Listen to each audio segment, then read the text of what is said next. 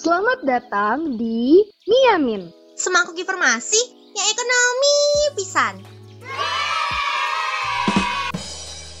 Halo mi friends, gimana nih malam minggu kalian? Kalau aku sih seneng banget, soalnya bisa nemenin kamu di Miamin. Yap, bener banget. Aku juga seneng banget. Hehe. Nah, supaya malam minggu kita nggak gabut, apalagi bosen. Selama beberapa menit ke depan, kami bakal ngobrol seru bareng kamu. Eits, tapi kalian udah kenal kita belum? Hmm, kayaknya masih ada yang belum dengerin episode pilot nih. Ayo ngaku.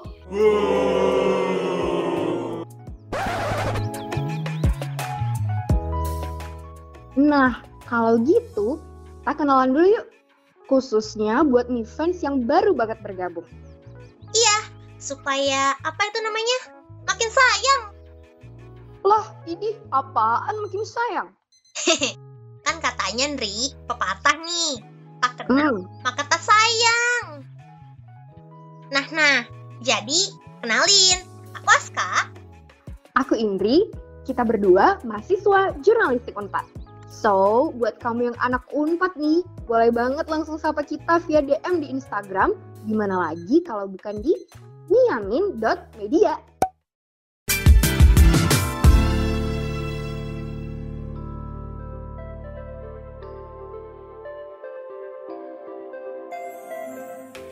Ngomong-ngomong, ngobrolin tentang malam minggu nih ya. Di tengah pandemi COVID-19 ini, kita diharuskan untuk tetap di rumah aja. Kata orang-orang sih, aduh apa sih itu? Hmm, hashtag di rumah aja. Hashtag, bukan hashtag.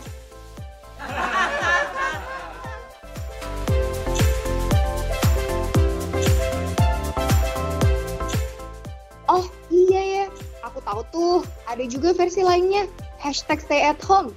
Mungkin banyak dari new fans merasa bosen, gabut, atau sepi karena nggak bisa happy-happy. Yes, yes. Apalagi nih, kan malam minggu. Biasanya pasti kalian bucin sama pacar. Iya, nggak semua woi, nggak semua. Alah, masa sih? Hush, balik ke topik ya. Ngobrolin tentang hashtag di rumah aja, Mi Friends pasti udah akrab dengan istilah ini. Ya nggak? Tahu nggak sih, selain hashtag stay at home, ada juga loh hashtag physical distancing dan hashtag lockdown. Istilah-istilah ini merupakan kebijakan pemerintah di suatu negara agar warga negaranya tetap berada di dalam rumah. Pastinya, hal ini bertujuan untuk mengurangi aktivitas dan kontak fisik. Banget. Tapi, seberapa banyak digaungkan, pasti masih ada aja nih mi friends yang nganggap sepele. Atau alasannya nih, ah elah ribet. Hayo ngaku siapa yang kayak gitu. Eh, nggak boleh gitu ya mi friends. Memang sih kelihatannya sepele, tapi dampaknya besar banget loh. Bener banget, kebijakan di rumah dilakukan untuk mencegah penyebaran wabah COVID-19 atau bisa dibilang memperkecil peluang penyebarannya. Makanya nih mi friends, kita nggak boleh tetap batuk nongki-nongki. Meski kayak malam ini nih, malam minggu. Kebijakan ini jelas nggak sembarangan. Tentunya sejalan dengan himbauan yang dikeluarkan oleh WHO atau World Health Organization. Hal ini juga udah dibuat prediksinya loh. Salah satunya oleh Ikatan Alumni Universitas Indonesia. Dibahas juga penjelasan matematikanya sama aduh itu loh youtuber yang terkenal itu. Siapa tuh? Itu kesukaannya. Oh, kesukaannya Indri, Jerome Pauline. Ah, jadi malu.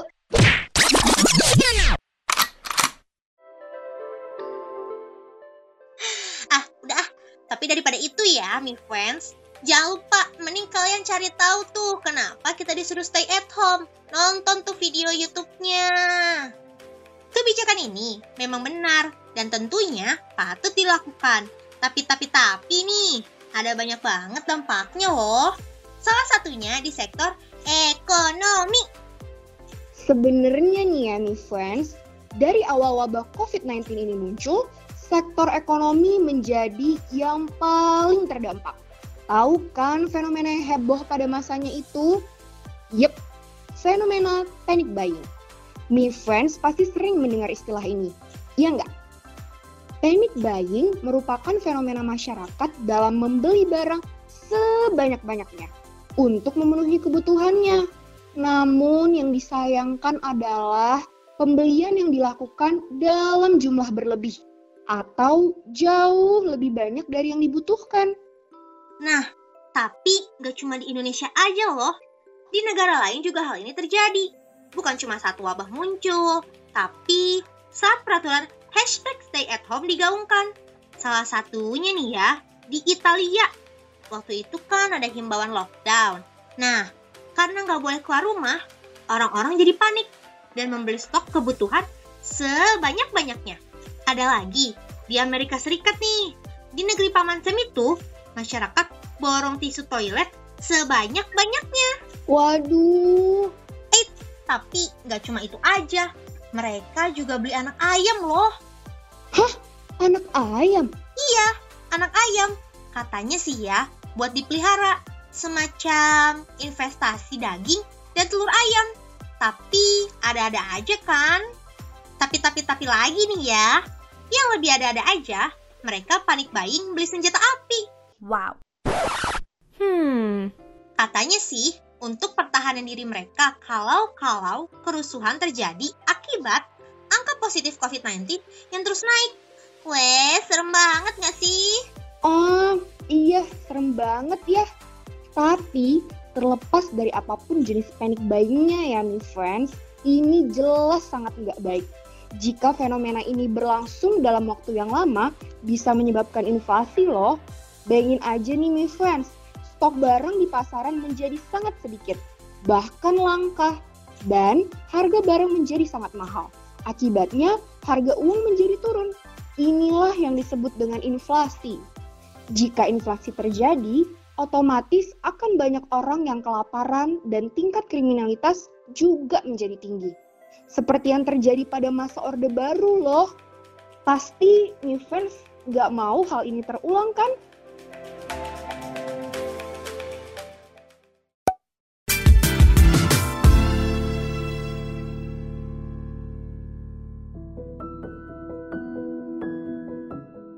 Nah, oleh sebab itu, mari kita bersama membeli barang dalam jumlah yang cukup dan memikirkan orang lain ya, mi friends. Selain fenomena panic buying, hashtag di rumah aja juga mempengaruhi para pelaku bisnis dan karyawannya loh.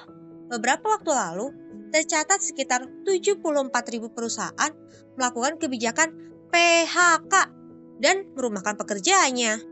Wah, iya. Aku juga lihat tuh di TV. Sedih banget ya, Kak. Mana nggak cuma PHK dan merumahkan pekerja aja loh. Pekerja harian juga terkena dampak dari kebijakan hashtag di rumah aja. Seperti pedagang sayur, pembantu rumah tangga, bahkan sopir kendaraan online. Mereka harus mendapatkan penghasilan yang jauh lebih sedikit dari biasanya. Padahal, mereka harus tetap bekerja di tengah-tengah pandemi corona ini. Yang kita semua tahu, kapan pun bisa membahayakan nyawa mereka. Tapi, lebih dari itu, sektor lain seperti pendidikan dan kesehatan juga terkena dampaknya loh.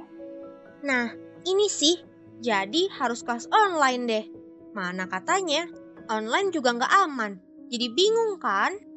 Iya banget. Secara kesehatan juga, utamanya sih mental, gak jarang orang yang stres karena harus di rumah aja. Tapi ya kak, terlepas dari kelihatannya banyak merugikan, hashtag di rumah aja tetap harus dilakuin. Yap, yap, bener banget tuh yang dibilang Indri. Aku kemarin baca nih ya, 2021 bisa jadi kita mengalami resesi global. Kalau-kalau nih, pandemi ini tidak kunjung usai. Wah, serius tuh kak? Serius? Enggak, malah dua rius Nindri. Bayangin aja, negara besar seperti Amerika diprediksi mulai merugi. Apalagi negara sedang dan kecil. Maka dari itu, IMF atau International Monetary Fund udah wanti-wanti nih, pengamat ekonomi juga. Bahkan kayaknya ya, kuartal kedua tahun ini pun udah mulai siaga resesi deh. Gak jauh-jauh nunggu tahun depan. Waduh, ya juga ya. Mana katanya gelombang kedua wabah COVID-19 bisa aja terjadi. Kayak di Cina, katanya ada kasus baru. Hmm, aku juga dapat info nih. Krisis ekonomi akibat pandemi ini bisa menjadi yang terburuk. Duh, serem kan nih fans. Terus ya, yang tadi kata Aska nih soal Amerika, bersumber dari CNBC Indonesia, menurut Asosiasi Nasional untuk Ekonomi Bisnis, mereka memprediksi kalau di kuartal pertama tahun ini bakal turun 2,4 persen. Dan di kuartal kedua, pertumbuhannya bisa turun hingga 26,5 persen. Wow, jauh banget kan? Anyway, resesi juga bisa diakibatkan dari adanya PHK massal loh. Nah loh, di Indonesia sendiri PHK ini udah ada ya mi friends, seperti yang tadi kita bahas. Serem kan? Kebayang gak sih Makanya, kenapa warga negeri Paman Sam bisa panic buying senjata api? Karena emang seserem itu loh kalau resesi bisa ricuh. Mari coba kita bayangkan dalam kasus di Indonesia yang belum sepowerful mereka. Chaosnya bisa kayak apa kan? Makanya, daripada kita terus mengeluh, aduh aku bosan banget nih di rumah, atau keluhan lainnya sampai berkata kasar, cuma buang-buang tenaga aja, alangkah lebih baik jika kita turut serta dalam langkah kecil ini. Yap, hashtag di rumah aja. Dengan di rumah aja, kalian bisa membantu mengurangi potensi penyebaran virus COVID-19. Di rumah aja pun bukan berarti kita benar-benar di rumah selama-lamanya loh. Kalian, juga aku dan Aska masih bisa belanja kebutuhan kita ke warung atau supermarket. Hanya aja jam operasionalnya pasti dibatasi. Dan jangan lupa nih, friends, untuk tetap menggunakan masker non-medis, membawa hand sanitizer, dan yang paling penting, dicatat nih ya, mi friends, rajin-rajin mencuci tangan. Yes, yes, yes. Tuh dengerin Indri ya, mi friends. Seperti iklan layanan masyarakat kami tempo lalu, mari berusaha stay positif dan jadi pahlawan dengan kegiatan kecil seperti hashtag di rumah aja. Agar bumi kembali aman, perekonomian stabil, dan kita bisa happy-happy lagi. Anggap aja, kita merehatkan bumi sesaat dari polusi akibat manusia.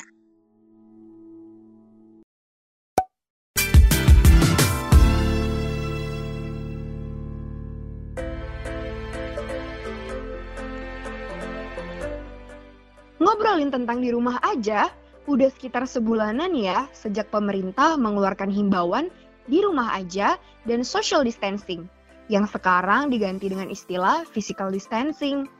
Yakin banget nih, udah sebulan di rumah aja, pasti nih fans udah ngerasa jenuh. Bener nggak? Tenang aja nih fans, kamu nggak sendirian kok.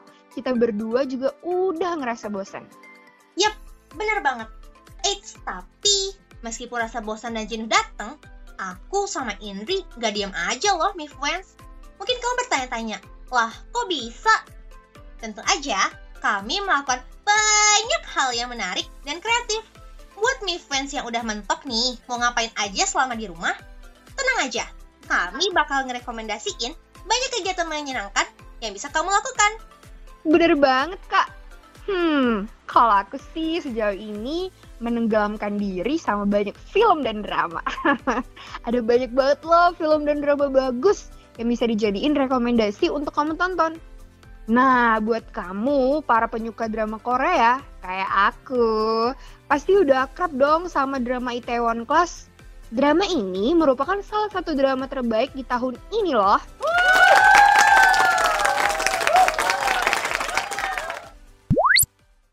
Kabarnya, Itaewon Class menjadi salah satu drama dengan rating tertinggi kedua dalam sejarah drama GTVC. Ada banyak sekali hal positif yang bisa kita pelajari melalui drama ini. Terlebih tentang memegang prinsip hidup dan hasil yang tidak akan pernah mengkhianati kerja keras. Drama ini wajib banget kamu tonton ya, my friends. Dalam drama ini juga banyak pelajaran how to build a business loh kamu akan terinspirasi dengan cara sang tokoh utama, yakni Park Steroi, yang berhasil membangun bisnisnya dari nol dengan penuh keringat, darah, dan air mata. Dijamin deh, Mi Friends, kamu gak akan nyesel. Nah, ditonton ya, Mi Friends. Selain nonton film dan drama, Mi Friends juga bisa banget nih belajar bahasa selama di rumah aja. Saat ini ada banyak banget aplikasi gratis yang bisa membantu kamu untuk belajar bahasa dari nol. Beberapa di antaranya ada aplikasi Duolingo dan Cake. Dicatat ya, Mi Friends. Gratis, tis, tis, tis. 100% gratis. Selain belajar bahasa melalui aplikasi, kamu juga bisa belajar bahasa melalui YouTube loh. Salah satu YouTuber favorit aku sama Indri yang jago banget ngajarin bahasa Inggris, ada channel apa, Indri? Hmm, English. Dan Lingua Marina. Kenapa? Karena cara mereka menjelaskan benar-benar rinci sehingga mudah dipahami. Apalagi untuk kamu yang ingin belajar bahasa Inggris dari nol. Nah, keren banget kan, new friends? Selama kamu di rumah, kamu juga bisa mengasah skillmu loh. Apalagi menambah skill. Ya, dengan belajar hal-hal baru. Berikut bakal aku sebutin website dan aplikasi yang bisa membantu Mi Friends untuk belajar hal-hal baru. Website pertama adalah luarsekolah.com. Website ini nih menyediakan banyak kursus online. Di antaranya adalah belajar personal branding, ada juga loh materi public speaking, financial planning, bahkan English for Career Development dengan cukup membayar 29.000 saja. Menarik banget kan, my friends? Gak hanya website luarsekolah.com, kamu juga bisa mengasah dan menambah skillmu melalui website indonesiax.co.id. Pakai X ya, my friends, indonesiax.co.id. Website yang satu ini nih juga dipenuhi kursus gratis yang dimentori oleh para ahli di bidangnya. Misalnya adalah materi tentang pengantar penyiaran untuk pertelevisian. Materi ini loh, my friends, langsung dibawakan oleh Wisnu Tama, Menteri Pariwisata dan Ekonomi Kreatif kita saat ini. Keren banget nggak sih? Yap, wah keren banget Yandri. Ternyata ada banyak banget platform di luar sana yang bisa kita akses cukup dengan internet untuk menambah skill ya. Ngomongin skill nih, aku rekomendasiin satu aplikasi yang bisa nemenin me friends waktu gabut. Tentunya setelah dengerin aku dan Indri di podcast Miamin ini. Kamu bisa mendapatkan banyak ilmu baru dari dengerin podcast melalui aplikasi Inspigo. Jadi, kamu tetap bisa multitasking sambil berjemur misalnya, atau sambil melakukan hal yang lain. Dengerin podcast yang menginspirasi, pasti keren abis nggak sih? Wah, gokil lah. Keren banget, Kak.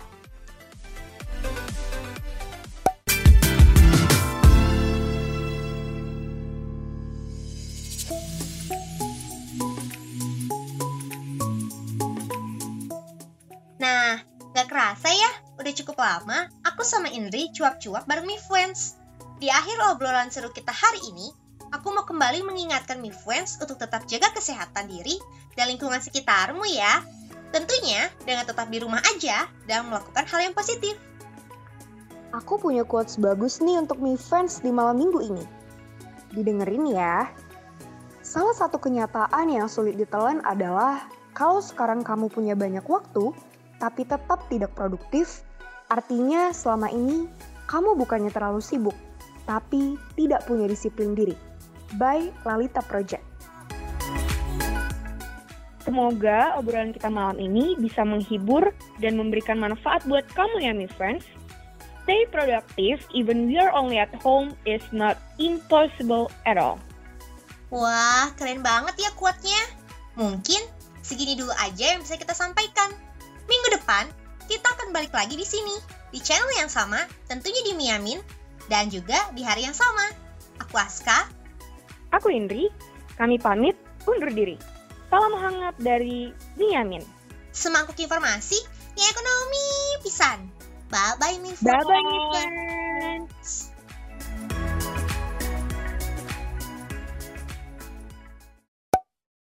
Eh, jangan lupa cek akun Instagram kita ya di @miamin.media untuk informasi lainnya.